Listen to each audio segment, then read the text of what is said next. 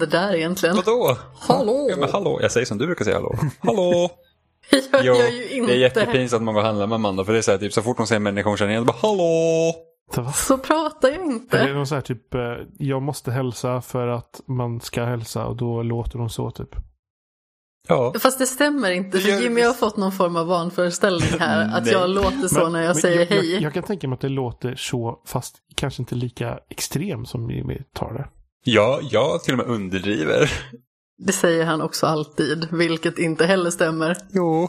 Hallå! Det sa hon. Sluta. två gånger på rad dessutom. Det var därför det var så himla Men det tydligt. låter lite som polismästaren i Mumindalen. Så, Hallå där! Mm. Så pratar jag inte. Men det är så hon gör. Mm.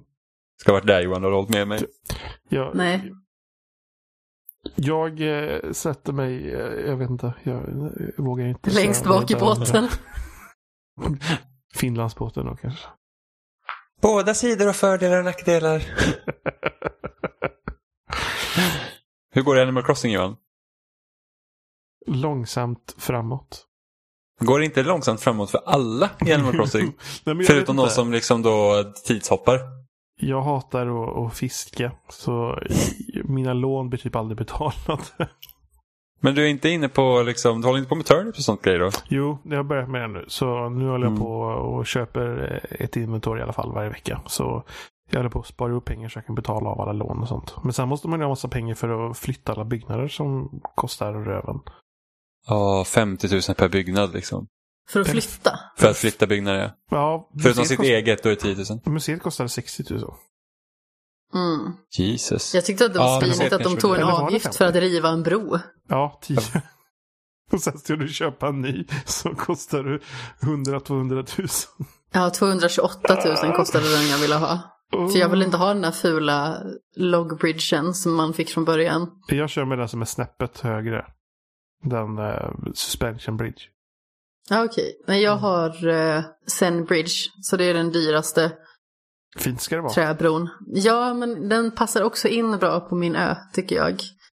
Jag är så jäkla konservativ så jag har liksom samma, jag har de här stenbroarna. Du har sten överallt. ja men jag har så här stenbroar för att de var i första Animal Crossing. Eller liksom, det, det är liksom default-broarna i alla Animal Crossing. Så jag är så här, min fantasi har liksom inte gått utanför att jag kan göra vad jag vill. Jag är så här bara, åh det där känner jag igen, det tar jag. Ja, det, det hade inte förvånat mig om Jimmy helt plötsligt hade typ startat igång sitt Animal Crossing till GameCube. Bara, Nu ska jag göra så min värld ser, ser, ut, ser ut exakt som det här. Och jag tror inte så att det är möjligt att göra så. Mm. Men det hade ju varit lite... Jag kom, men där var det ju så att eftersom det var ju gjort... Hela det spelet var ju på ett rutnät. Så du hade liksom en screen kunde du ha en byggnad i. Så att då var det så att du hade du en, liksom en, en, eh, någon som bodde liksom i, på din, i din liksom by. Så var det liksom att då var det det huset som var på den rutan. Ja. Tillsammans med massa andra omkringliggande grejer. Men du kunde, jag tror inte att det kan vara två stycken där. Och sen kan man inte bestämma heller var alla skulle flytta in. Utan de flyttar in ändå liksom, och sen så hamnar de någonstans. Och det var, liksom, det var lite min filosofi från början när jag liksom placerade ut husen när de- folk började flytta in. Det var ju det att jag ville ha det spritt. Och sen nu har jag alla ihopklungade utom en. Det är en liten jävel som är typ på en bergstopp någon annanstans för att den björnen har typ så här asiatiskt inspirerat hus. Så det- den bor bland bambuträd och lite sådana grejer. Så det- det är den enda som har typ en egen altan och grejer. Är det en panda som bor där? Jajamän. Det är det? Ja, PK. Oj. En, ber- en bergspanda. Mm. Men, men just nu är liksom i min by så är jag inne på så här att okej, det som saknas just nu är ju grejer jag behöver. Och, och det, det är inte så att det, det är inte så att du har mycket saker du kan köpa hela tiden. Du har varit över hos mig två gånger och köpt tv. ja, och så missade jag En dag så var det ett nytt ett kök, så här köksgrejs.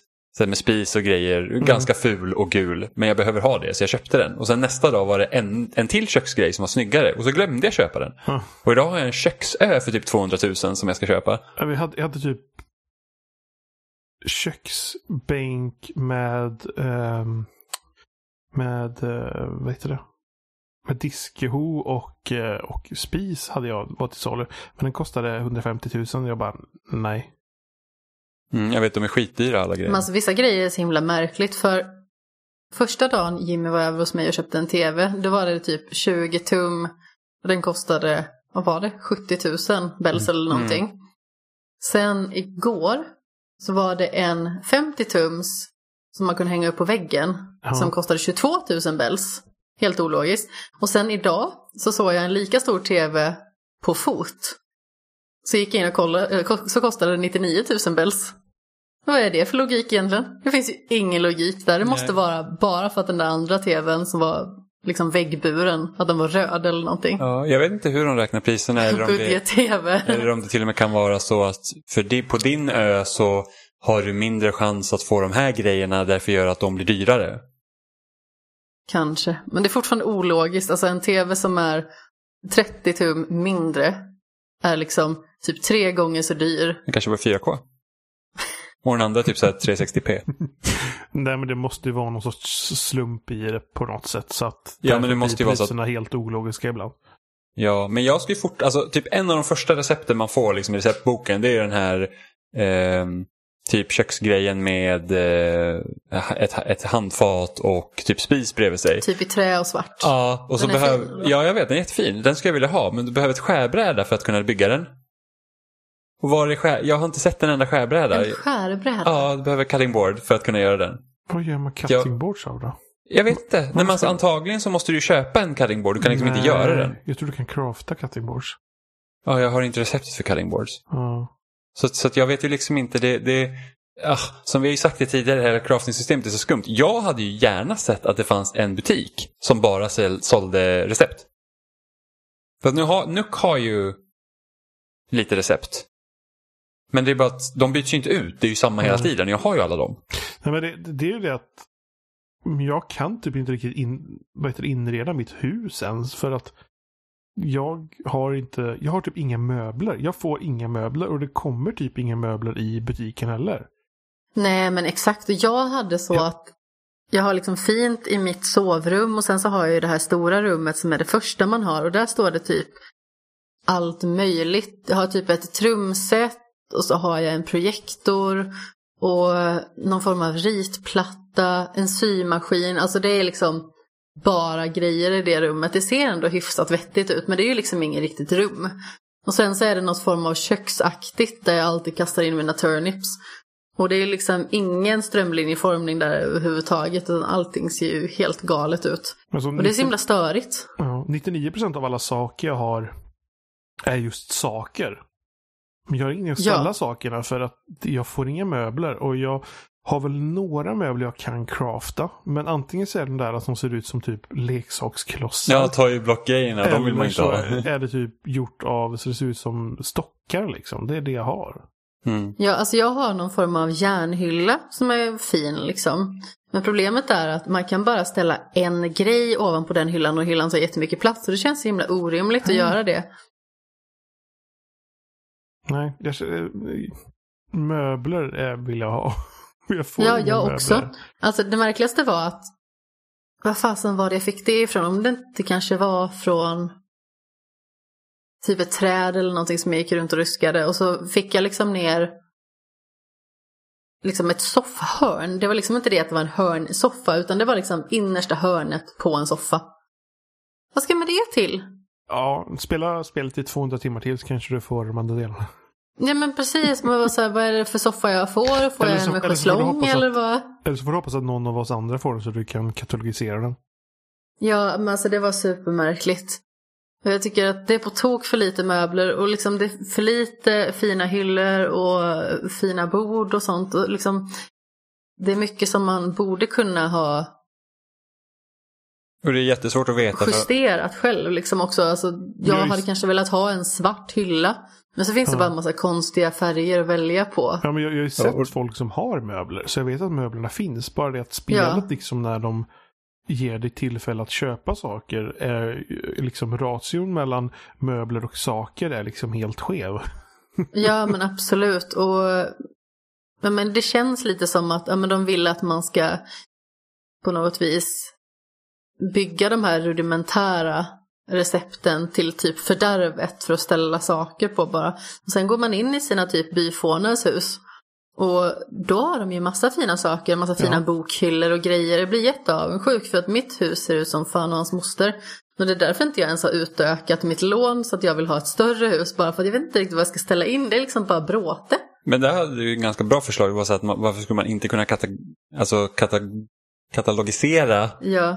grannarnas möbler? ja, men precis. Eller Ja, typ men- så här, ja men det här vill jag ha recept på. Ja, Mm. Eller om du är kompis med grannen så kanske den typ ger sig liksom Åh, jag köpte den på det här stället så nu kan du också köpa den. Eller, Ja. typ Mm. att om man nu är snäll mot grannarna eller någonting sådär så. Jo, men Ja. precis. Att det kanske kommer i ens... Eh, Eller att de Som ger digitala shop. Ja, eller att de ger möbel till en. Borde kanske kunna göra också. Hej, jag har en Mm. över, här får du en. ja, jag får bara kläder av mina. Ja, det, det, Jag får men det är liksom, för det är ett problem liksom att veta vad som, vad som finns också. Det är liksom Ja. så att det, det, jag känner nästan att den här uppgraderingen av Nuck-affären, det är, liksom, det är för lite grejer varje dag du kan välja mellan. Jag hade Ja. gärna sett att det fanns fler grejer och kanske så att ja, men det finns alltid en väggdekoration, det finns alltid en viss typ av möbel, det finns alltid en av de här grejerna. Och sen så tycker jag faktiskt att recept borde, det borde dyka upp recept. Någon borde kunna sälja recept Mm. som byts ut hela tiden. Så man liksom, just nu vet man inte så hur mycket recept finns det. Nej, och jag håller på att bli vansinnig också på de här förbannade recepten. För jag skjuter ju liksom ner varenda luftballong jag ser. Eh, och varenda flaska som kommer liksom ur vattnet plockar jag upp. Och det är ju recept. Men jag vet inte hur många gånger jag har fått till exempel jail bars. Alltså jag har säkert fått det fyra gånger. Man bara, det borde inte vara möjligt att få samma recept en gång till. Jag tycker att det är liksom onödigt. Vad ska jag göra? Ska jag sälja det? Ska jag ge bort det? Ja. Man får ju inga pengar för skruttet. Jag tror Du ska- ge du bort den och tanken. bort den, så att, eh, du vill ju Jag starta släng- det här dåliga multiplayer-grejen och så ska du ge bort den. Eller skicka, man kan posta skiten ju. Jag har ju jag har ju slängt alla mina dubbletter av recept. Precis när man kommer in i ett hus så ligger en massa recept där. För jag ska Mm. bygga typ en liten basar på min ö. Så jag ska liksom lägga grejer som inte jag vill ha. Så får folk komma liksom och, och ta. Typ en loppmarknad. Ja men det är så här, bara här, det är inte ett självkostnadspris. Bort med skit, jag vill inte ha den längre. Ja, Då- nej, men då alltså, det blir så himla skumt. balkonger och plockat flaskposter så har det varit såna här fruktkläder. Recept för fruktkläder. Ja, typ apelsinklänningen som ser jätteful Alltså jag ut. fick ju en persikostol häromdagen. Det var verkligen... Persikostolen är lite söt. Ja, Ja. fast nej jag vet Det, men inte. du vet, det ser ut som, där persikostolen, det, du vet de här typ äggformade stolarna som var poppis ett tag som man kunde typ sitta i. Ja. Ja, Det är typ så den ser ut fast den är Så man persikoformad. sitter ner i persikokraken. Ja, i Precis. princip. det var skratt. Ja. Persikor! oj, oj, oj. Men alltså just det här online-systemet, precis som vi var inne på lite grann och prata om, det var också jättemärkligt för att jag lovade Jimmy att skicka över lite liljor igår. Mm. För att igår så såldes ju våra ruvor precis som vanligt då. Eh, och då var han över på min ö och köpte liksom hela sitt inventarium fullt och sen åkte han iväg och så köpte jag liljor och skulle jag skicka iväg alla och sen skulle jag skicka iväg den här eh, stora tvn också för 22 000 bells. Och så står jag där och så har jag skickat två brev till Jimmy. Och han bara, ja jag är ledsen man får bara skicka två brev om dagen till varje vän. Man bara, men nej, vad är det här för skit? Det är lite synd att man inte kunde typ göra... Alltså att de kunde ha liksom olika grader av vad man skickar. Säg att man vill skicka kanske fem grejer. Och då får du liksom köpa ett större paket och det är dyrare. Ja men precis, alltså, för det kostar ju alltid 200 bells att skicka ett brev. Men det hade ju jag varit bättre om man typ kunde skicka liksom, okej vill du skicka ditt tredje brev om det kostade 300 bells. Mm. Men Jag tror det är en kombination av att man ska inte kunna exploita spelet och du ska inte kunna spamma till folk. Oh, ja, det är sant. Man- Det är, nog, det är nog en kombination av de två. Ja men i alla fall fem grejer, kom igen. Jag skickade Ja, eller- två stycken brev så måste jag gå till- runt med hans skit. Eller till Best Friends kan man skicka lite mer till. Ja men det hade Så- också varit en liksom bra grej. Typ. Typ att är det Best Friends är det mindre chans att när man väl skickar saker är det spam. Mm. Typ. Och sen liksom möjligheten då att blocka folk som bara spammar en då. Ja. Ja. Men det, det var ganska kul, så här, klassisk Nintendo-grej. För det, kom, ju- det läckte ju någon sån här typ powerpoint-presentation i veckan. Eller typ, jag såg det om det var igår eller förrgår. Om anledningen till att de använde friendcodes. Och det är ju för att, för att Wii U hade ju inga friendcodes. Eh, utan den körde liksom på namn med Ja, deras just. Nintendo Network ID eller Ja. vad de nu kallar det. De har ju två system och jag vet, alltså, jag vet inte vilket jag loggar in med på switchen. Ibland är det Network ID och ibland är det något Nintendo-account. Jag vet inte. Men Det är nog bara det nya nu tror jag. Ja, så, an, så anledningen till att de inte inte hade friendcodes på Wii U var för att de ansåg att det var liksom ett core system. Alltså det var till för folk som liksom är vana vid den här typen av eh, system. Att du använder användarnamn till exempel istället. Ja. Eh, medan switchen har ju liksom marknadsfört lite mer till, alltså in, inte som Wii att det var liksom en familjekonsol utan att det liksom är, det är liksom någonting för alla att ha med sig. Liksom. Ja. Eh, och anledningen till att de använde friendcodes för att de trodde att det skulle vara frustrerande för användaren om den inte kan använda det namnet som de vill. Vilket gör att, om man säger som jag ofta heter Seppel liksom på, på, på mina, eh, ja vad det nu är, eller Seppala Ja. 13 har det blivit nu eftersom av anledningar. Så, så kanske inte jag kan använda det. Så bara okej, men då lägger jag till det här och då kanske det också är upptaget och då kanske jag lägger till det här och då är det också upptaget. Så då blir det liksom mer frustrerande för användaren. Så därför använder de friendcodes för de ansåg att det är liksom, då får du en kod och sen kan du heta vad du vill. Fast man kan ju inte heta vad man vill. Nej men alltså, Nej, jag får heta Kapten S istället för Kapten Sten. Ja. För att Sten blir för Så man kan, ju Jo. inte, man kan ju inte heta vad man vill. Det finns, så det finns ingen... Va? Nej? nej, men i alla fall, du kan i alla fall använda ett användarnamn. Alltså, till exempel, jag kan också heta Kapten S. Nej? Jo. Det är det du inte kan. Nej, men om jag går in på min switch nu så kan jag sätta att jag heter Kapten S och den kommer inte Jaha. eh, protestera. Ja, men För att- precis. Jaha, men för det är den inte kom- kontonamnet. Nej, precis, för det är friendcoden. Jaha. Så att, så att liksom, Nej men alltså mitt kontonamn, alltså jag har ju loggat in med mitt namn på Nintendo-kontot. ja. Så jag förstår inte. Precis, ja, jag vet inte, men det är i alla fall anledningen till friendcoden att det inte ska bli så att du ska Mm. kunna heta vad du vill på konsolen i alla fall. Jag har ju två stycken namn på min eh, konsol. Men det är bara för att jag har ett amerikanskt konto också. Ja, just, Bara för att när eh, ja, just jag fick Det- just Steamworld det, så Quest det, ja. så Man- släpptes det bara där. Man gör ju konton så ja, men när jag loggar in på mitt Nintendo-konto typ för e-shop, Då är det med mailen va? då kanske det är mejlen. För jag vet att jag var tvungen, jag, jag vet att när de skulle släppa Switch så var det att de släppte typ att du kunde logga in på ett ställe för att låsa ditt namn så att ingen annan kunde ta det. Jaha. för- Ja. Så, ja. Men det, men det kanske, för, för där kan jag tänka att det konto du måste logga in med ja. är ju en grej men du liksom, du binder inte det namnet till konsolen eller vad Nej, det är.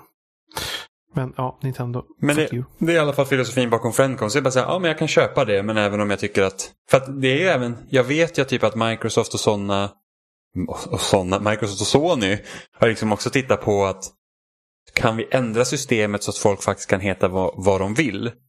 För att folk, det börjar bli så mycket människor på plattformarna så att det är liksom svårt att få ett namn man vill ha. Men, men det, det är här är till- det här är ju både Battlenet och Discord redan löst. Du kan ha Ja, precis. vilket namn som helst, men sen är det hashtag och några siffror. Yes. Och det jag antar, jag, jag, jag skulle nästan gissa på att det kanske till och med är med i alla fall Xbox Series X att Microsoft går in på någon sån grej. Att nu, kan, nu får du liksom en hashtag i det och sen så kan du heta vad du vill. Så för att det är liksom, vad, vad gick, det kom väl ut nu att Microsoft har väl 90 miljoner subscribers på Xbox Live Guld varje månad nu. Ja, jävlar. Och då ska du ha, då är det alltså 90 miljoner unika namn. Det är liksom, alltså det, börjar liksom bli väldigt begränsat vad man kan heta. Ja.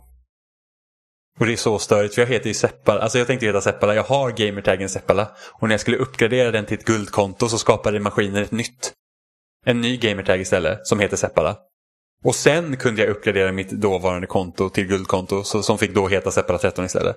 What the Det är fuck? så störigt. Ja, jag vet inte varför. Det var så här, oh, upgrade to gold. För att jag, jag körde ju inte liksom, när jag skaffade 360 kunde inte jag köra online. Och sen när jag började göra det så skulle jag säga, oh, upgrade your account to gold. Ja, gå igenom den här proceduren, döp den till Seppala och sen så bara, jag har 0G. Jag bara, vad fan, jag hade liksom typ 20 000 gamerscore och jag bara, var, är alla mina achievements? Så bara, då hade jag skapat en ny gamertag med Seppala istället. Och så det var därför jag heter Seppala 13. Och sen på, jag tror det var Playstation så var Seppala upptaget. Något litet snusk som har Jag tagit det före mig. Jag har tur att kunna registrera mitt full som på de flesta ställena. Ja, Ja, Kapten Sten också. Det är inte så jättevanligt.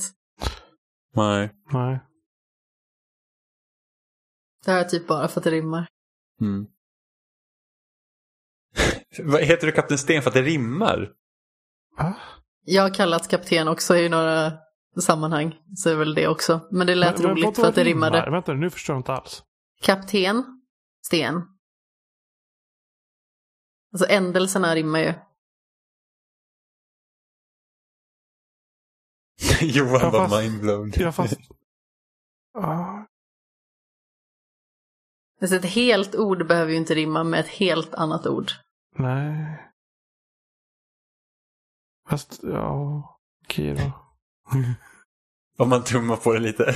Ja, lite grann. Men det låter lite roligt. Ja. Alltså, Microsoft ska ju visa... Vi ska få se tredjepartsspel på Xbox Series X på torsdag.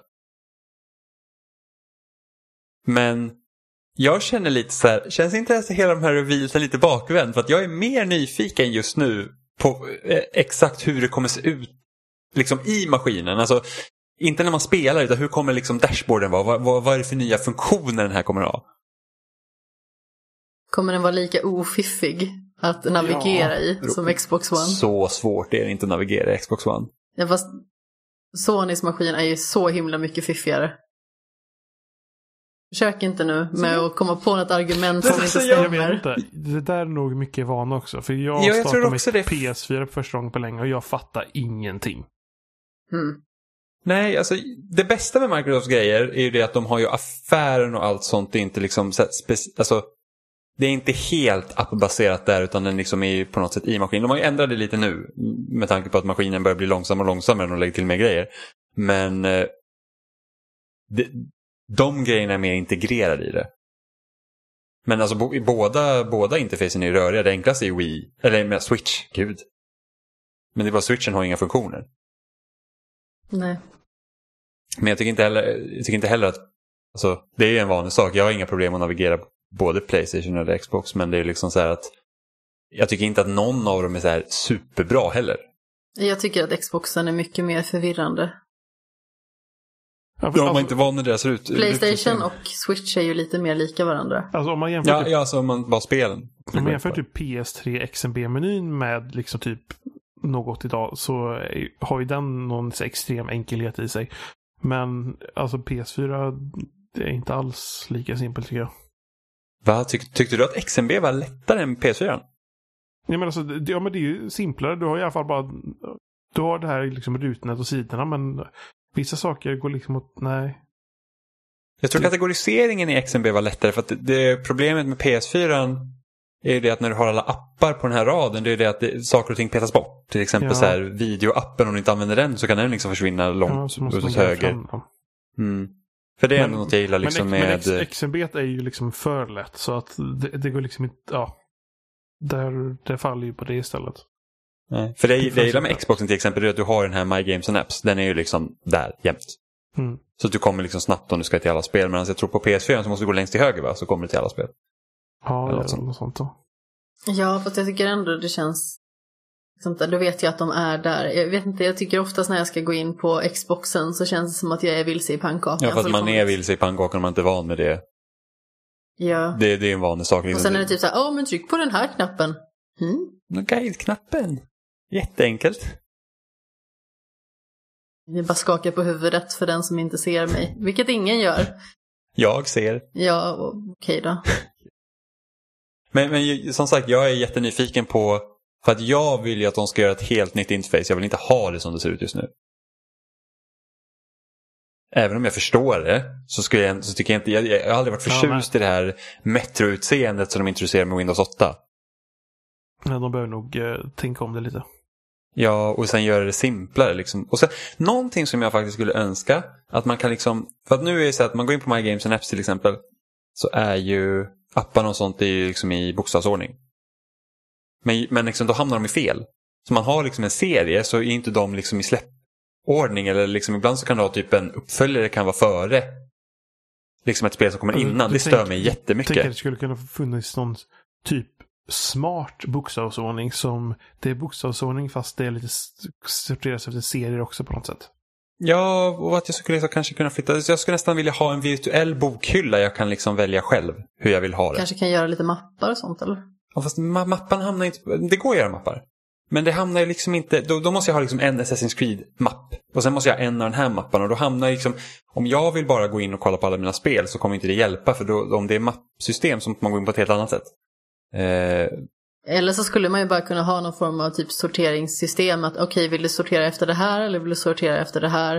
Eh, eller vill du göra en egen ordning? Det kan ju vara att man har någon egen logisk, inom citationstecken logisk då, ordning för sig själv. Det kan ju vara att man sorterar typ efter genre eller sånt. Alltså folk har vilken typ av ordning som helst.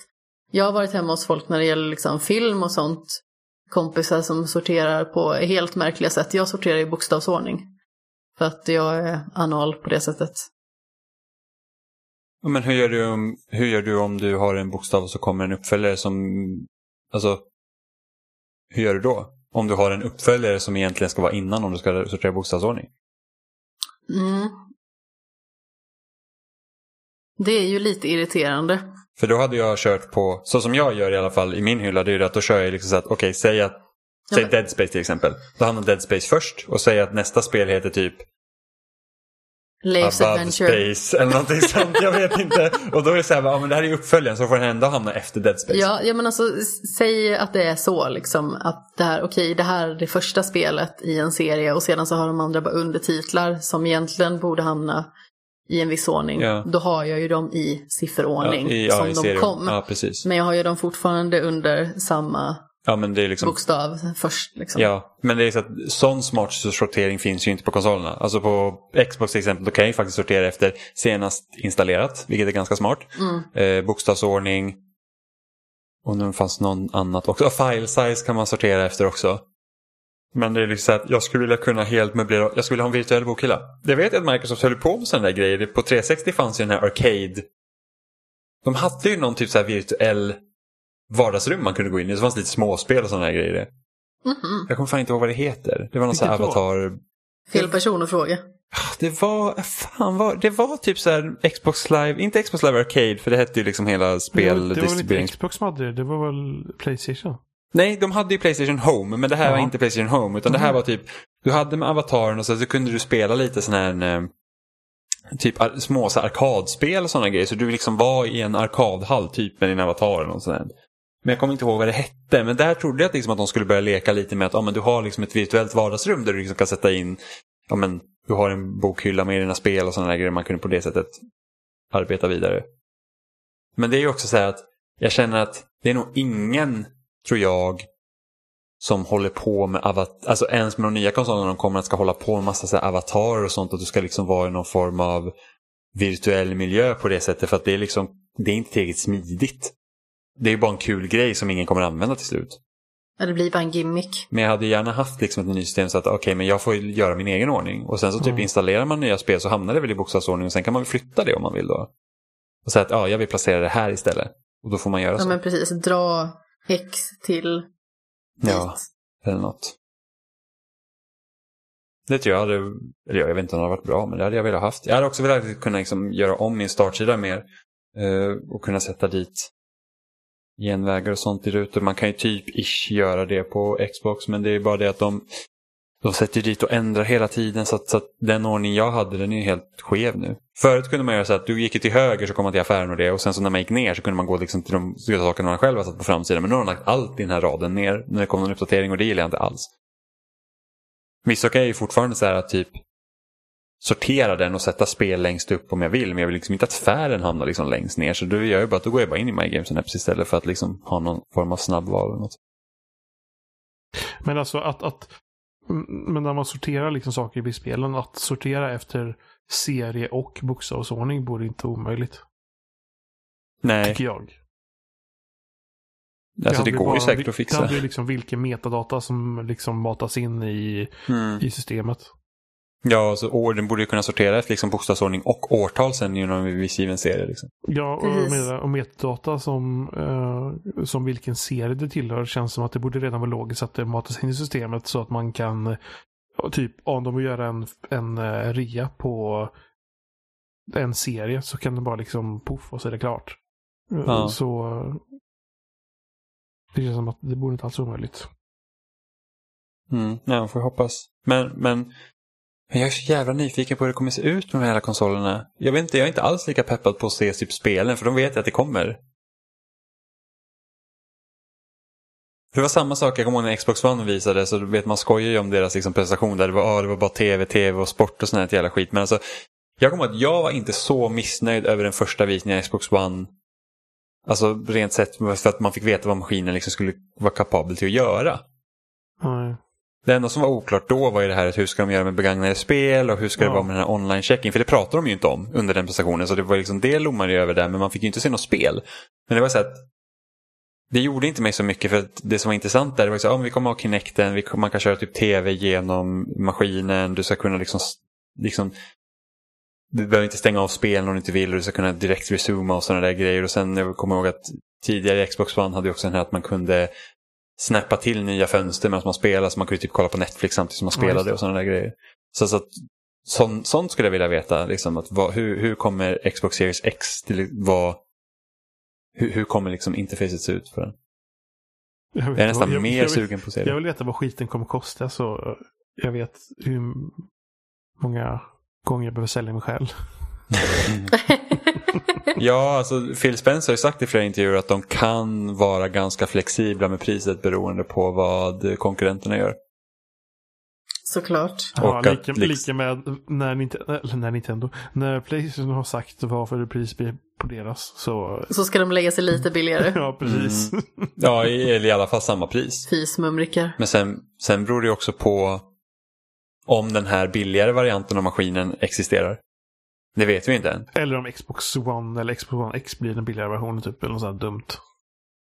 Ja, Jag tror inte att Xbox One X som den ser ut idag blir utan då kanske en Xbox One X med lite nyare grejer i sig. För att det kom ju något rykte till den här Lockhart som går under kodnamn om då skulle liksom ha att den ska ju kunna spela och använda sig av liksom SSD och alla sådana grejer som den nya Series X ska kunna göra men andra saker har liksom eh, ja, som den, den kanske inte ska ha lika framstående liksom raytracing och sådana där grejer. Nej.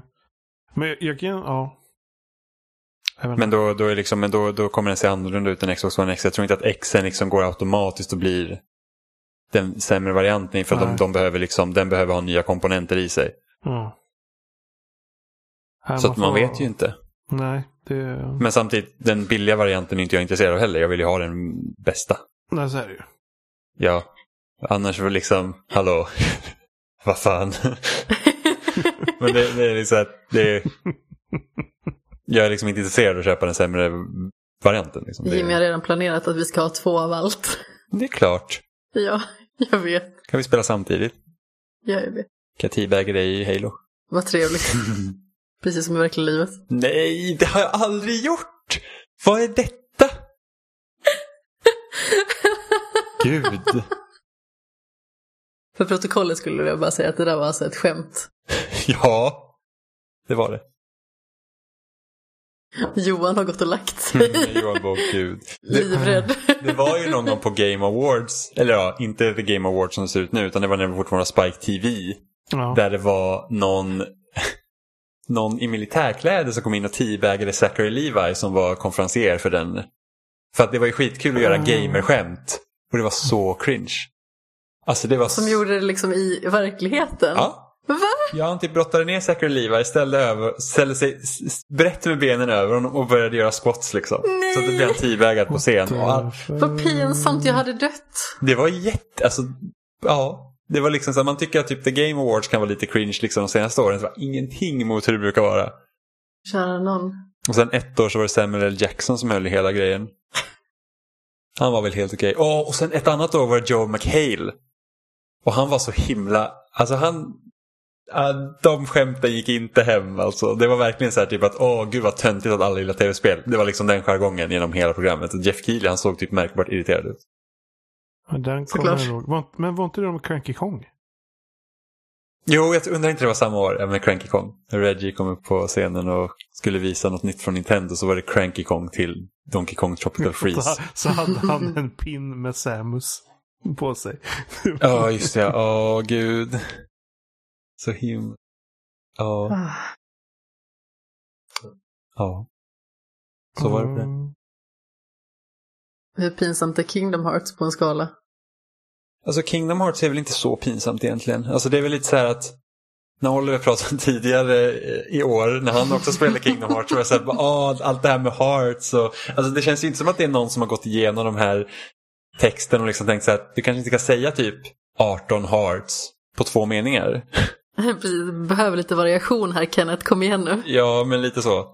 Eh... Annars tycker jag väl att det är helt okej. Jag har ju kommit längre nu än vad jag gjorde sist jag försökte spela det. Ja, alltså det var väldigt roligt att se för att Jimmy sprang runt i Tarzan-världen och var inte nöjd. Ja, men Tarzan-världen är ju hemskt tråkig. Ja, alltså det är den absolut sämsta delen av hela spelet Och jag- skulle jag vilja påstå. Och jag känner väl lite så här att överlag liksom upplägget i Kingdom Hearts är det att när man är i de här olika världarna så att det är typ du har ingen riktig sån här riktning om vart du ska gå utan varje värld består av kanske fem, sex rum som existerar och sen så är du bara på måfå gå till ett av de rummen och hoppas att du tryggar en cutscene och sen så bara okej nu kommer jag vidare, nu ska vi typ leta efter det här och sen får man gå igenom alla rum igen. Ja, alltså det är ju det som är lite tråkigt. För hade det liksom varit fysiska platser på ett annat sätt. Nu känns det liksom som att man bara går från en box till en annan på något vis. Det känns märkligt. Ja men sen var ju spelet från 2002. Ja, absolut. Det är ju alltså, det är ju ganska så imponerande om man ser det med den tidens perspektiv. Absolut, tycker jag i alla fall. Det mest imponerande med spelet är idén. Ja, Fortfarande liksom bara att blanda Disney med Final Fantasy. Ja, alltså jag gillar ju idén. Det är ju någonting med det här spelet. Jag har sagt det förut säkert i den här podden också, men det är något med spelet som gör att jag har väldigt svårt att tycka illa om det. Sen så finns det mycket negativt att säga om det. Alltså jag menar, alltså bara en sån sak som i Tarzan-världen, hur man plattformar. Det är fruktansvärt dåligt. Alltså det är så risigt liksom så man vet inte riktigt var man ska ta vägen. Och sen så sådana grejer som är ologiska hela tiden. I, ja men du ska gå hit. Men man får liksom ingen riktig beskrivning om vart det är för någonstans. Och ibland kan det vara, gör det här. Ja men hur ska jag göra det här? Det finns liksom ingen logisk förklaring för fem öre. Och jag vet att du rantade runt ett litet tag och jag sa bara, men gå in i tältet. Och då triggades ju den kattsinen som du ville ha. Ja. Eh, och det var någon annan gång också i någon annan värld som jag bara, ja men gå dit. Eller när du var i Agraba så sa jag, ja men klicka på stenen. Ja, men det, är liksom, det finns så himla konstiga grejer också. För ibland så kan man göra, och gör man saker i fel ordning så, så finns det liksom Så att det är inte. väldigt oförlåtande på det sättet liksom att eh, ja, man, blir, man hamnar liksom lätt i att, här, att man, man hamnar bara, lite i kläm. man, man bara liksom ränner runt till ingen nytta. Ja, och sen så det finns liksom ingen indikator på något vis.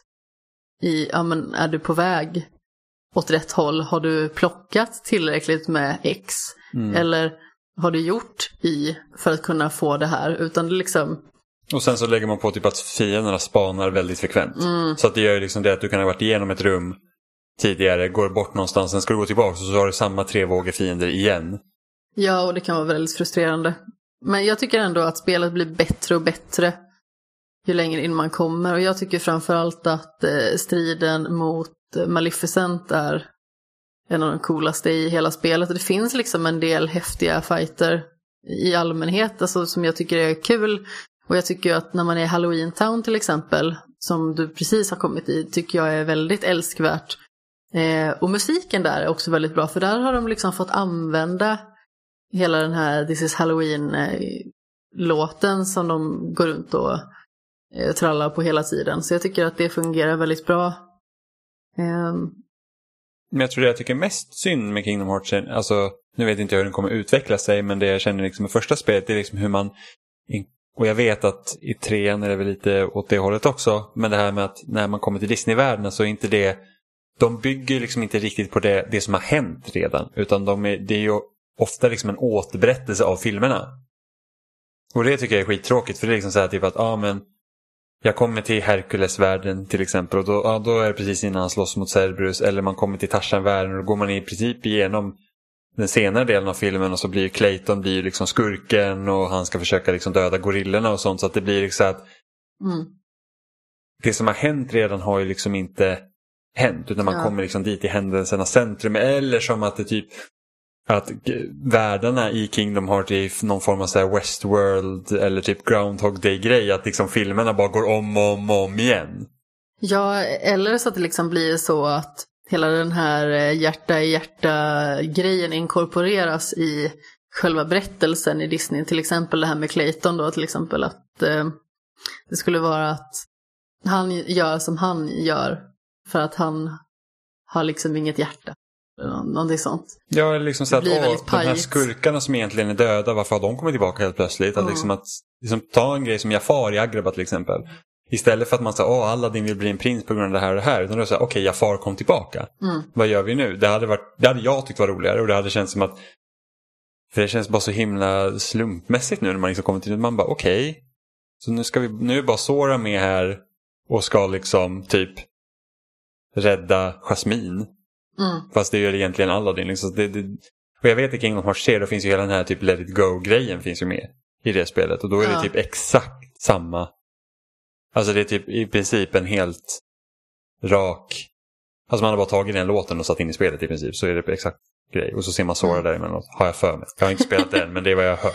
Jag har inte spelat trean, jag har spelat 40 timmar av tvåan ungefär. Men jag kommer inte riktigt ihåg vilka grejer som man får vara med om, vilka Disneyvärldar det är. Men jag för mig att man är hos Mulan. Och sen vet inte jag hur mellanspelen ser ut heller. Liksom. Är de uppbyggda på samma sätt? Eller liksom hur, hur skiljer de sig liksom, när det kommer till världarna och sådär? Ja, alltså, jag har ju bara spelat Rechain of Memories PS3. Och det tycker jag var mycket förvirrande. Så jag har liksom inte så mycket att säga om det. Det var bara ett spel som jag på ren envishet bara plöjde igenom. Mm. Kände typ ingenting. För något som jag hade gillat det är säkert liksom fått här Disney-världen och sånt där varit mer liksom en, en enhetlig grej. Liksom att, att, att de går in i varandra, liksom att de, de liksom känns som att de tillhör istället för att det är liksom den här klassiska typ spelgrejen som det är just nu. Att det, den här världen är en bana. Mm. Typ det. Jag skulle vilja ha ett Grand Theft Ankeborg. Det hade varit bäst. Typ baserat på DuckTales och sen så får man liksom röra sig, alltså ett helt Ankeborg. Jag hade typ, jag vet inte så här, jag prenumererade på Kalle Anka Company när jag var liten. Då fick man ju, någon sommar tror jag man fick en sån här liksom bilkarta Jaha. med Ankeborg. Ja, det var ju typ på någon så här, det var ju liksom inte en sån här bi- bilmatta som man hade utan det var ju mer som en typ en plansch. Fast, Vilken fröjd. ja, men ändå, det var jätteroligt. Så jag hade gärna haft sån grej. Men typ som så här Simpsons Hit Run som kom till PS2, Xbox och GameCube. När man hade liksom hela Springfield och så kunde man gå runt där. Mm. Skitroligt. Men för, för att de har ju, DuckTales kommer tillbaka. Det finns ju den här nya versionen nu på, som de streamar. Ja men precis, den ska tydligen vara väldigt bra. Den ser också otroligt bra ut. Alltså snyggt tecknad. Mm. Och de har bra skådespelare och så. Ja, härliga tider. Ja. Ja. Vi hade, vi hade spelat mer Gears också. ja, det har vi. Föga förvånande. Mer Mm. Michelin-gubbar. Ja, exakt. Det är faktiskt mer Michelin-gubbar. Så vi spelar de två sämsta spelet i serien nu. Judgment och Fyran. Gears of War 4. Vilket Ja, men vi kan väl är börja sämst med- av de två? Judgment. Jag tror också att jag faktiskt skulle säga Judgment. Tror jag. Ja, men För- vi kan väl börja med det då. Så kan vi eh, gå igenom det. För jag tycker ju själva upplägget är väldigt intressant men de gör det dåligt. Eh, för det är ju liksom så att man har ju sina fyra karaktärer som berättar liksom sin respektive del av ett skeende. Eller liksom de vävs in i varandra och eh, följer varandra. Och jag tycker att man hade kunnat göra det mycket mer intressant med berättelsen om man ska ta ett sånt grepp. För jag tycker liksom själva idén gillar jag. Även att jag liksom hade kunnat lista ut där att men när man börjar med att gå igenom, jag för mig att det är Bairds sida som Ja. man börjar med. Då tänkte jag liksom, åh, kommer de då gå igenom varje av de här karaktärerna i en akt var och sen så kommer det vara någon form av slutstrid i femte akten och det var det ju så. Eh, men det känns som att de hade kunnat ta vara på idén mycket bättre för att idén tycker jag är jättesmart. Alltså jag tycker att det är en rolig idé. Eh, och liksom livar upp själva konceptet som är Gears of War ändå, liksom att det är fem akter. Och det känns som att de gjorde något speci- eh, liksom specifikt med det. Eh, men sen så, det blir lite pajigt, det känns som att man inte riktigt bryr sig. Ja, men det är lite så här. Alltså anledningen, liksom- alltså mysteriet är att man ska få veta varför står de inför rätta. Ja. Men det är bara att hela den här liksom grejen utspelar sig under ett pågående liksom slagfält. Så det blir liksom här lite löjligt. Den känns så obetydlig på Ja. något vis. Bara varför står de här och muppar sig när de kanske borde vara ute och ja, liksom det typ försvara sig sprängs runt istället. omkring dem och grejer. De blir det- Ja, anfallna. det är typ den här galna generalen liksom. Som han, han liksom, typ hans heder i princip. Han har fått, hans ego har fått en törn. Ja, I princip. Det är därför han håller på med det. Så verkligen. att det är lite löjligt. Eh, ja, och det Men- blir väldigt barnsligt. Och sen så, det finns ju många andra, ska, ska, i, jag kan inte prata ordentligt. Det finns många andra skavanker i spelet också. Exempelvis så är ju fiendemängden, den är orimlig verkligen. Alltså i tidigare spel så har det ju kommit liksom vettiga vågor och det är liksom det krävs liksom en eftertanke någonstans för hur man ska ta ut vissa typer av fiender och man kan tillsammans Det är en ganska bra... Alltså, man- diskutera att ja, men du tar det här så tar jag det här. Ja, för de, men de tidigare spelen är en ganska bra upptrappning som, som du spelar. Där känns det som att du följer en röd tråd. Mm. Liksom, om, man, om man inte bara, alltså man ser inte röd tråd som berättelse utan röd tråd liksom i varje eh, fiendedrabbning. Liksom. Mm. Medans problemet som jag tror Judgment får det är det att varje, varje strid är ju som ett eget liksom, challenge room. För att det som är nytt för Judgment är att man kan ju slå på sådana här declassified missions. Det är så här typ att då får du slåss under vissa specifika Omständigheter. omständigheter. Precis, det kan vara så att ah, men fienderna är fler eller fienderna använder de här vapnena eller ni får bara ha de här vapnena eller att eh, nu har ni bara en pistol. Eller sådana grejer så att liksom det, det, man, man sätts in liksom i scenarion som man liksom kan välja själv om man vill ha det lite svårare. Ja. Och vi körde ju alla dem. ja, och grejen är ju med just det, det är ju att det förstör också för narrativet. Ja precis, för det blir liksom, man kan liksom samla på sig en massa ammo, liksom, ja, jag har en boomshot och liksom en full lancer och sen så kommer man till det här nya scenariot så bara, om jag sätter på det classified mission så bara, nej ni har bara en pistol nu som inte har ammo. Och då blir det så här, det, det, det blir väldigt så här, vad ska man säga, narrativ dissonans i det. Liksom att okej, men alltså vi hade ju samlat på massa ammo så det varit mycket mer intressantare om faktiskt saker och ting hade hänt så att det utvecklar sig naturligt. Ja, men Eh. typ att okej, du faller ner i det här hålet och... Eh, Tappa dina vapen Ja, eller men vad som helst. precis. För att, men samtidigt tycker jag det här med typ the classified mission är ganska Alltså jag gillar idén. Det är precis som typ i Halo finns det ju skall som man kan lägga på. Du kan liksom ändra spelet. Det är så här typ att, ja ah, men fienderna slänger mycket mer granater. Nu är det de eller- här reglerna, följ Ja, dem. Precis, man kan liksom sä- sätta regler. Och jag tror, en så här, jag hade gärna sett det här i classified liksom systemet återkomma i Gears men kanske inte vid en första genomspelning. Utan det kan vara så att vi har klarat spelet en gång, nu kan vi köra spelet igen och då kan man slå på så här typ att ja men det här scenariot, vill du spela med de här reglerna istället? Bara, ja, det vill jag. För att då liksom, det ger en helt ny dimension liksom, till stilen, man liksom blir utmanad på ett annat sätt. Ja, eller om det liksom hade varit på typ nästa svårighetsgrad eller någonting. Eller bara liksom en tillbyggnad. Mm. För det känns som att okej, nu försöker vi göra någonting intressant med berättelsen. Men vi försöker också göra det här. Och sen så samtidigt så har de ingen pli på sina fiender för fem öre. Utan de har bara kastat in fiender. De är slumpgenererade på vissa plan också. Ja, Det var ju ett ställe så vi båda trodde vi skulle krevera för alla fiender sprang in till mig.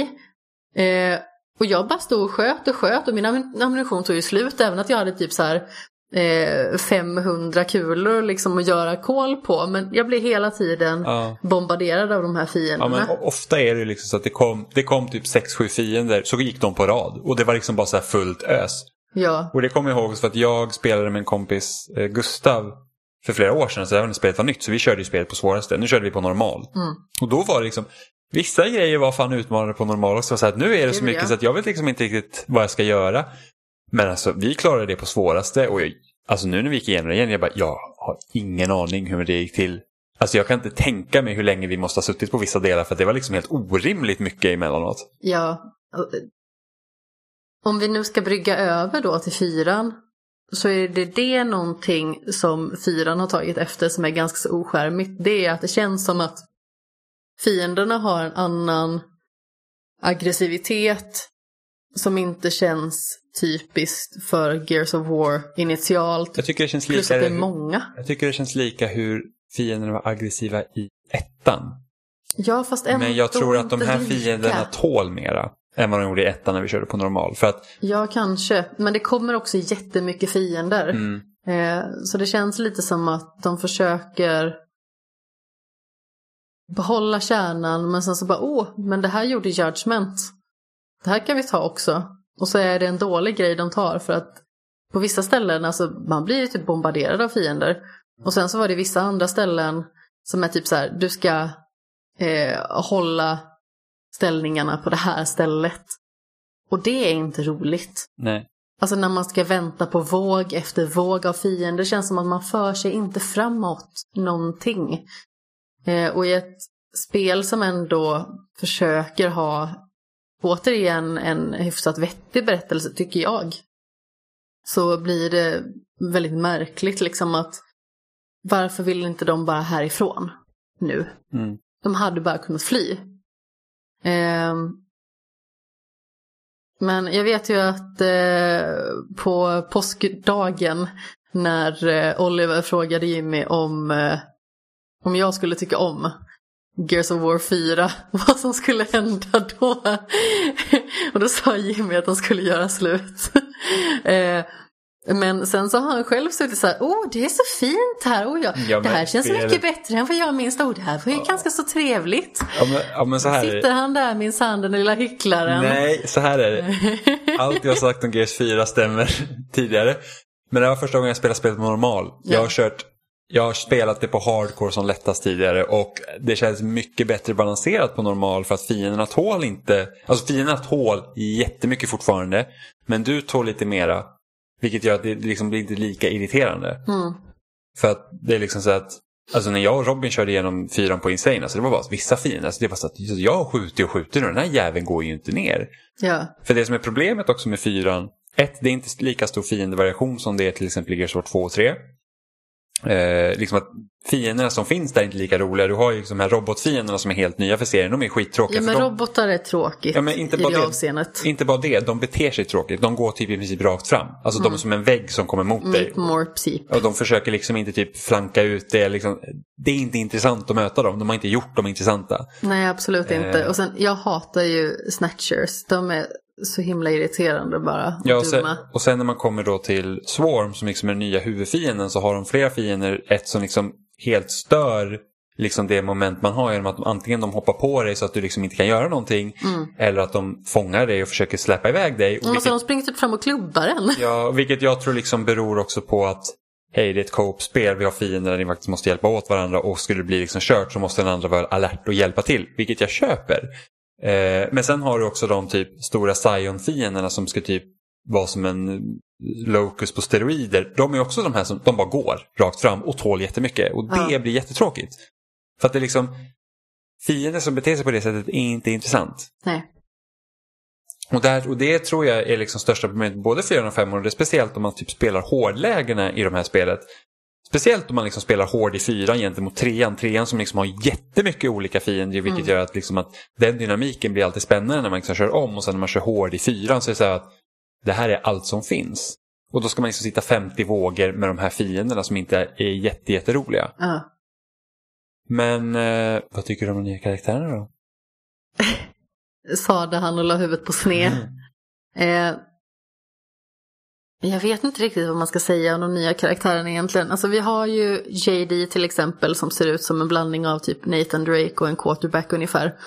Eh, han känns ju så otroligt generisk så att det finns inte så mycket att säga om honom. Han är ju bara tråkig egentligen. Det är ju liksom inget utmärkande med honom utan han är ju liksom bara en vanlig snubbe som har tagit lite anabola. Um, och liksom är hyfsat vettig men han liksom säger inte så mycket eller står inte för så himla mycket utan skulle någon försöka argumentera med honom så har han liksom inget att komma med. Men det är väl ganska generellt sett för alla de här karaktärerna. Kan liksom säga vad någon karaktär är? Mm. Ja, Alltså, vem är Dell liksom? Det är lite här Episod 1 Star Wars liksom grejen. Så bara, vilka är de här karaktärerna? Ja, nej men Dell är ju ganska så irriterande tycker jag för att han är typ den här nu ska vi försöka vara roliga snubben. Fast det är typ JD också. Fast jag tycker inte att han är så himla liksom påträngande ändå. Han är liksom inte Nej, för det, är inte hans enda, det är inte hans enda roll. Nej, JD är typ bara så här kul kul. Kul, kul, kul. Ja, du menar Dell? Del menar jag, precis. Ja. Jo, men precis. Och sen så har vi Oscar som bara är äcklig. Eh, och beter sig så himla illa. Och spoiler för Gears of War 4, men i, i slutscenen, eller rättare sagt efter eftertexterna scenen, så eh, då liksom får man se att han kommer tillbaka efter att man har tro, trott att han har dött. Och då blir jag genuint arg. Ja, men jag tror det kändes för, för mig och Oliver när vi spelade de fyra första gången. Vi var så här, ja det här spelet var inte så bra. Men tur att Oscar dog. Ja, ja men alltså det var ungefär så jag kände. Alltså nu tycker inte jag att spelet var så dåligt som ni har utmålat det tidigare. Eh, för att jag tycker liksom ändå att det finns vissa ljusglimtar som är utelämnar. Typ, till exempel att det är väldigt många kvinnliga karaktärer som får väldigt framträdande roller. Vi har liksom en kvinnlig härskare i Jin, Team Rocket. I Team Rocket. Det finns inte så mycket positivt att säga om Jean för att det är, hon är praktiskt taget Team Rocket. Och Ja, varje men alltså- gång hon är med så ska det vara någon sån här comic relief-grej genom att ha sönder hennes robot. Ja, ja, det är ju jäkligt fånigt. Är Men jag, jag bara liksom försöker eh, gå igenom det här. Och sen så har vi, åh vad är, vad är det, hon, heter hon Reina? Reina är Precis. den enda bra karaktären i fyran. Hon, hon är en ny. jättebra karaktär och hon är liksom också en, en stark ledarkvinna. Och sen så har jag inte så stora problem med Kate som du har. Visst hon kan vara lite dryg ibland men samtidigt så tycker jag ändå att det är bra att kvinnliga karaktärer liksom har ändå fått ett så stort genomslag. Alltså visst det har funnits kvinnliga karaktärer i Gears innan som man har tyckt om. Men de har ändå känts lite Ja, åsidosatta. de har inte fått samma stora, man tänker så här, för Gears, alltså många gånger när man kommer till olika stranded-läger i Gears, alltså även 2 och 3, Mm. Så är det ofta kvinnliga ledare. Ja. Men det är liksom en så liten, liten del så att man liksom säger att det går förbi ganska Mm. mycket. För att sen har du ändå de här fyra liksom Michelin-gubbarna som är i center. Ja, men det är just det som är med fyran också. Det känns inte som att man springer runt med de här Michelin-gubbarna och det är där också som man märker att det är en ny generation. Eh, för att spelet flyter mycket bättre. Det känns mycket smidigare att skjuta, det känns mycket smidigare att springa, hoppa och vad man nu ska göra. Så den här du har en knapp för att göra alla kommandon, den fungerar mycket bättre. Mm. Spelet är mer responsivt. Ja, exakt. Så där känner man liksom ändå att det finns en skillnad och att tekniken har gjort framsteg och det tycker jag är positivt. Ehm, och jag måste ju bara liksom säga att när man möter liksom så här gammelgurkan Marcus Phoenix, alltså det är ju superhärligt. Men det är Eh, också då man märker där de nya karaktärerna brister. Ja, men jag tycker ändå att det är bra för att han, eh, vad ska man säga, han lämnar ut dem eh, och visar deras brister och det tycker jag är bra. Eh, för jag tycker att Marcus Phoenix är en bra karaktär. Jag gillar honom mer nu, tror jag faktiskt. Alltså när jag har fått se honom som gammal. Eh, för att jag tycker liksom att innan så kändes han inte lika levande på något vis. Men sen så du, Det känns som att han har växt kanske. men sen så du går liksom igen, du har det här bagaget. Mm. Du vet vad som har hänt. Ja, jo, men precis. Och det känns som att han liksom bara, ja men ni vet ju ingenting, ni är ju bara snorungar. Eh, så jag gillar honom som karaktär i det här spelet. Sen så blir jag ju bara så här, men måste du ta på dig din fula bandana? Jag orkar inte. Alltså visst, det ska väl vara någon form av ikoniskt, men det var ju ful redan från början. Han har i alla fall ingen soul patch längre. Nej, men alltså det känns liksom, han kunde lika gärna tagit på sig en magväska eller någonting och varit som någon form av så här tysk kampare. Det är så himla fult, kan han inte bara sluta och försöka se normal ut istället?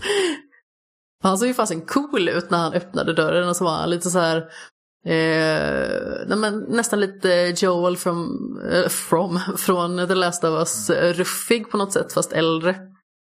Jag gillade det. Jag gillar liksom den här lite halvförbittrade mannen som har förlorat det mesta och liksom bara sitter och surar i ett hus på något vis. Eh, min önskan med det här spelet hade ju definitivt varit att det hade varit allvarligare i tonen. Liksom för att Ja, men det känns som att de försöker men, att alltså, det inte fungerar. det, alltså, De försöker emellanåt och sen så släpper Ja. de det. För då är det så här bara, ja men typ, som, så det som jag stör mig mest med det här spelet det är typ JD när han så bara, ja men lita på mig. Och man säger bara, varför ska vi lita på dig? Du har ju ingen aning om vad du håller på med. Nej, för men att precis. Du snackar vet. bara goja. Det är typ så här, åh vi ska hoppa ner i det här hålet. Så bara, då pekar de ut att det där är typ ett mördarhål, vi har ingen aning om vad det där är. Och man, Ja. nej men lita på mig. Och man Varför bara, då? varför? Finns, it makes no sense. Och sen så Nej, liksom, precis. och sen när de skojar liksom, det är liksom situationen är så pass allvarlig att de tar så, alltså när de tar så lätt på saker så Mm. blir det skevt. Och det tycker jag att de ändrar i femman. Femman är betydligt Ja. allvarligare. Nej, men vad bra. Nej, men, Alltså det är till och med på den, den biten så att Oscar som karaktär i femman är inte Oscar som han är i fyran. Nej okej, för att i fyran så är han ju skitjobbig och jag ville Ja. att han skulle dö och det gjorde han och då blev jag glad och sen återuppstod han och så blev jag sur. Nej, alltså, Men, eh, Oscar är inte med mycket i femman men nej, han är där. tack. Man är liksom så att, härliga tider. men det är typ så att den lilla tiden han är med då känns det så att okej jag kan faktiskt bry mig om den här karaktären. Mm. För att det känns som att hej, den här skiten vi sitter i det är allvarligt. Ja, Och det är det som fyran missar. Ja, det men alltså- liksom... grejen är att det här är egentligen samma sak som händer igen. Alltså nu menar jag liksom inte själva historien att den upprepar sig, men om vi tar liksom själva formulan igen. Vi har Gears of War 1, 2, 3. Det är allvar. Det är liksom tuffa situationer mot ondskefulla fiender. Och det är det här putslustiga hela tiden som kastas omkring. Men det känns som att karaktärerna, de tar inte sig själva på så stort allvar. Medan i fyran så försöker de vara mer allvarliga. Men så brister det bara och de blir bara töntiga. Så de gamla karaktärerna är töntiga Medvetet tönt. medvetet på något vis. Alltså det är töntigt och de går runt och skriker ihjäl men det känns ändå mer lättillgängligt att köpa. Även att man liksom känner att okej nu försöker de vara seriösa här och någonting allvarligt händer. Varför pajar de bort det liksom med att eh, skrika yeah och gears liksom i nästa sekvens. Det blir lite konstigt. Men det blir ännu mer påtagligt i det här spelet för det känns som att det de berättar försöker vara mer allvarligt men de klarar inte av det. Men det är mycket mer cutscenes i fyran. Än vad det är de tidigare spelen. Ja, så det var typ absolut. liksom hela tiden var det liksom storysekvenser, vilket jag hade glömt bort. Mm. Att det var så mycket. Det var då också Jimmy satt och dreglade över hur snyggt det var. Det var jättefint ju. Ja, det är fint. Ja. Jag håller med. Men det var väldigt roligt för att jag har liksom bara hört negativt om fyran att det typ är djävulens rövhål ungefär. Eh, och sen så eh, sitter här Seppele så här, åh, åh, som en liten skolflicka och är jätteexalterad över hur fint det är. Det var jättefint. Ja, jag håller med. Men det är... Men som sagt, alltså, det hade varit så mycket mer intressant att se en berättelse som faktiskt tar vara på det här att hej, vi har haft fred i typ 20 plus år nu. Vi liksom det här hotet som vi liksom knappt överlevde, vi klarar oss och vi är liksom klart. Och nu är det så här, bara det är tillbaka. Det är det man vill se. Och jag tycker att man märker det i Marcus, liksom, att han är ju sur och bitter och alltid liksom skit. Och det är verkligen så här, fy fan, men det är de här tre ynglingarna som egentligen borde vara livrädda. För de har ju hört talas om det hela tiden. Men liksom, de har inte behövt se det på samma sätt. Och då är det liksom så bara, "Ja, vi klarar oss med pris med livet i behåll. Ja, Ja, men det känns som att det liksom kastas bort lite grann. Och precis som du säger, de borde ju frukta för sina liv på ett helt annat sätt, liksom bli mer överrumplade av själva hotet i sig. Eh, medan det känns som att det bara är vardagsmat för dem. Men vad är de? De är bara små kamelfisar på typ 20 år ungefär eller någonting. Eh, vad vet de om livet egentligen? Medan Marcus, alltså man förstår ju att han liksom kanske är lite mer tillbakalutad och bara ja, ja, det är samma sak en gång till, nu tar vi de här asen, jag orkar inte. ja men det är Jag vill här, bara sätta mig i min gungstol, låt mig vara. Men även liksom när han sätter situationer, man vet att vi går in här nu, vi kanske inte kommer tillbaka och han är liksom okej med det. För att varför ska han orka hålla på med det här en gång till? Ja, men precis. En sak som jag tycker är jättesynd dock i Gears 4 det är det att Anya som liksom har varit en, en stor del i de tidigare spelen och som var Marcus fru. Är liksom, hen, hon är död i fjärde spelet. Mm. Och den är liksom, hon har liksom dött. Och så är inte hon med bara. Vilket jag tycker är jättetråkigt. Jag Att det är hade, hade tyckt att det hade liksom- varit trevligt om man hade fått veta lite mer om vad som hade hänt Ja, där. och bara fått liksom att se en lilla sekvens. Lite exponering. Ja, man ser varför. Ja, men precis. Liksom istället för att hon bara är borta. Ja, eh, och man vet ju inte vem det är heller. Utan det var ju jag som gissade att det var Anja. Ja, jag tror inte att hon... Ja, i för sig man kan hitta hennes grav. Jo, jo, men När man alltså kommer till i, Marcus. eh, eh, hus. Då kan man få se hennes grav. Ja, men i, i början och i väldigt lång tid så är det liksom bara, ja men det är din mamma. Och Ja. då fick jag liksom gissa mig till att det var Anja. Eller jag gissade ganska så lätt då. I och för sig. Det var, var inte precis som att Ja, men vem, anna, vem, vem annars skulle det ha varit? Nej men precis. Eh, men sen så, eh, hela den här att de går liksom som katten kring het gröt med själva Baird-grejen, det blir också jättemärkligt bara. Ska vi höra av oss till honom? Ja, men lite så. Det är liksom så här, varför ska det ens det vara hemligt? Liksom? Ja, Säg till mig. Men eh, ja, vi har bara femman kvar nu. Ja men precis, vi skulle egentligen börjat spela det igår. Men sen så sa Jimmy istället att eh, kan inte du spela lite Final Fantasy så kan jag kolla. Och så sov han. Ja, men jag är jättetrött. det var så himla roligt. Jag visste liksom att det där var kod för att du skulle sova. För att det är sådär jag ibland gör också. Typ på eftermiddagen. Jag älskar att ta eftermiddagslur så bara, kan inte du spela lite Kingdom Hearts? Så ligger hon där och snarkar. ja, ja, men jag gör ju det liksom eh, öppet. Jag försöker ju liksom inte mygla någonting. Alltså Ja. jag brukar spela lite, lite Switch också då. Eh, och sen så brukar jag ta mig en liten lur. Väggarna skakar. Det gör de ju inte. Snarka inte så. Och det var väl allt vi hade den här veckan tror jag. Ja, men det är det. jag tror också det. Det, det, är lite, det är lite tomt på spelsläpp. Ja. Ja, det känns Just nästan det. lite sorgligt. Alltså, jag sa ju liksom i januari att det känns som att det här kommer bli skämshögens hår på något, något vis. Att liksom, så är skämshögens hår. det lät i mitt huvud som att jag sa hår, men det kommer bli skämshögens år.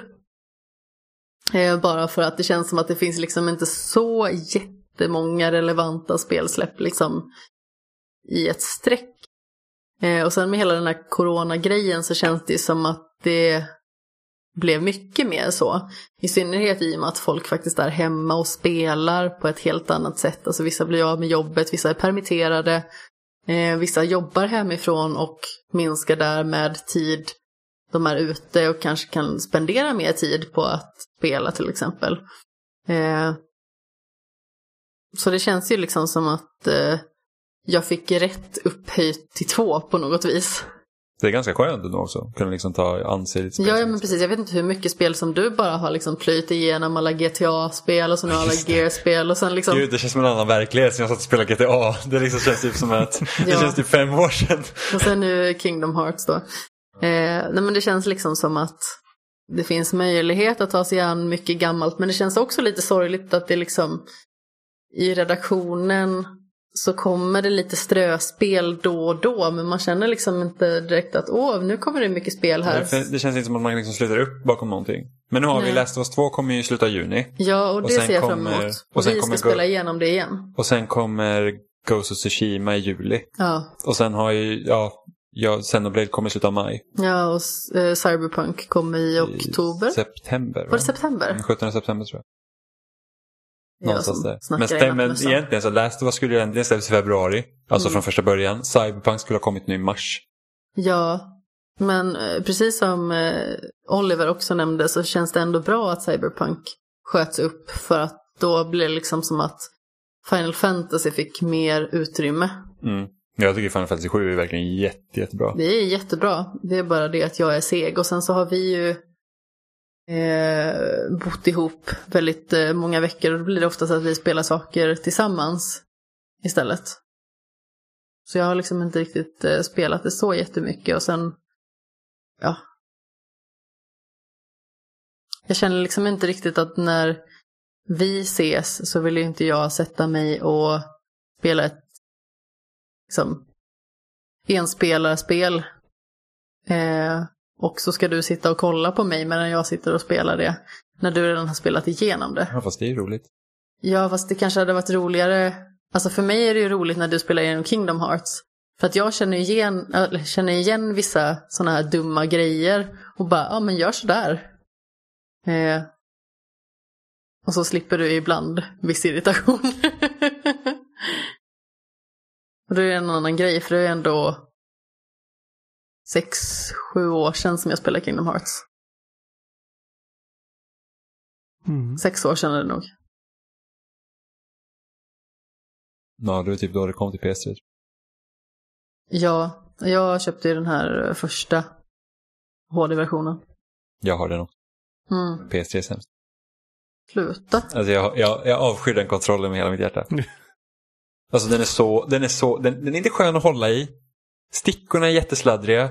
Och jag vet inte vad de där triggerknapparna de har ska ens vara någon, jag, jag förstår liksom inte. Jag är så himla glad att PS4-kontrollen liksom, du vet, den är skön att hålla i. Jag tycker att PS3 kontroll är lite för kantig. Det är där jag har problem. Även att jag har små händer och att kontrollen är liten så känns den liksom osmidig i händerna. Mm. Tur att de fick komma på vettig tankar. PS4 kontroll tycker jag är fantastisk. Jag tycker att Den den känns ungefär 10,5 gånger bättre än Xboxens. Nej. Jo. Dumheter. Ja, min, innan vi börjar slåss om kontroller än så är det nog dags att runda av faktiskt. Ja, ja, det är det. Vi, vi finns som vanligt på spelsnack.com. Där hittar ni länkar till lite ställen där vi finns. Eh, vi finns i de flesta poddappar och annat. Eh, ni kan skriva till oss på Twitter, spelsnackpodd, eller mejla uh, kontakt spelsnack.com eller förnamn spelsnack.com. Ja, Ja, vi hörs om en vecka. det gör vi. Hej! Ja, puss i ömskan. Hej!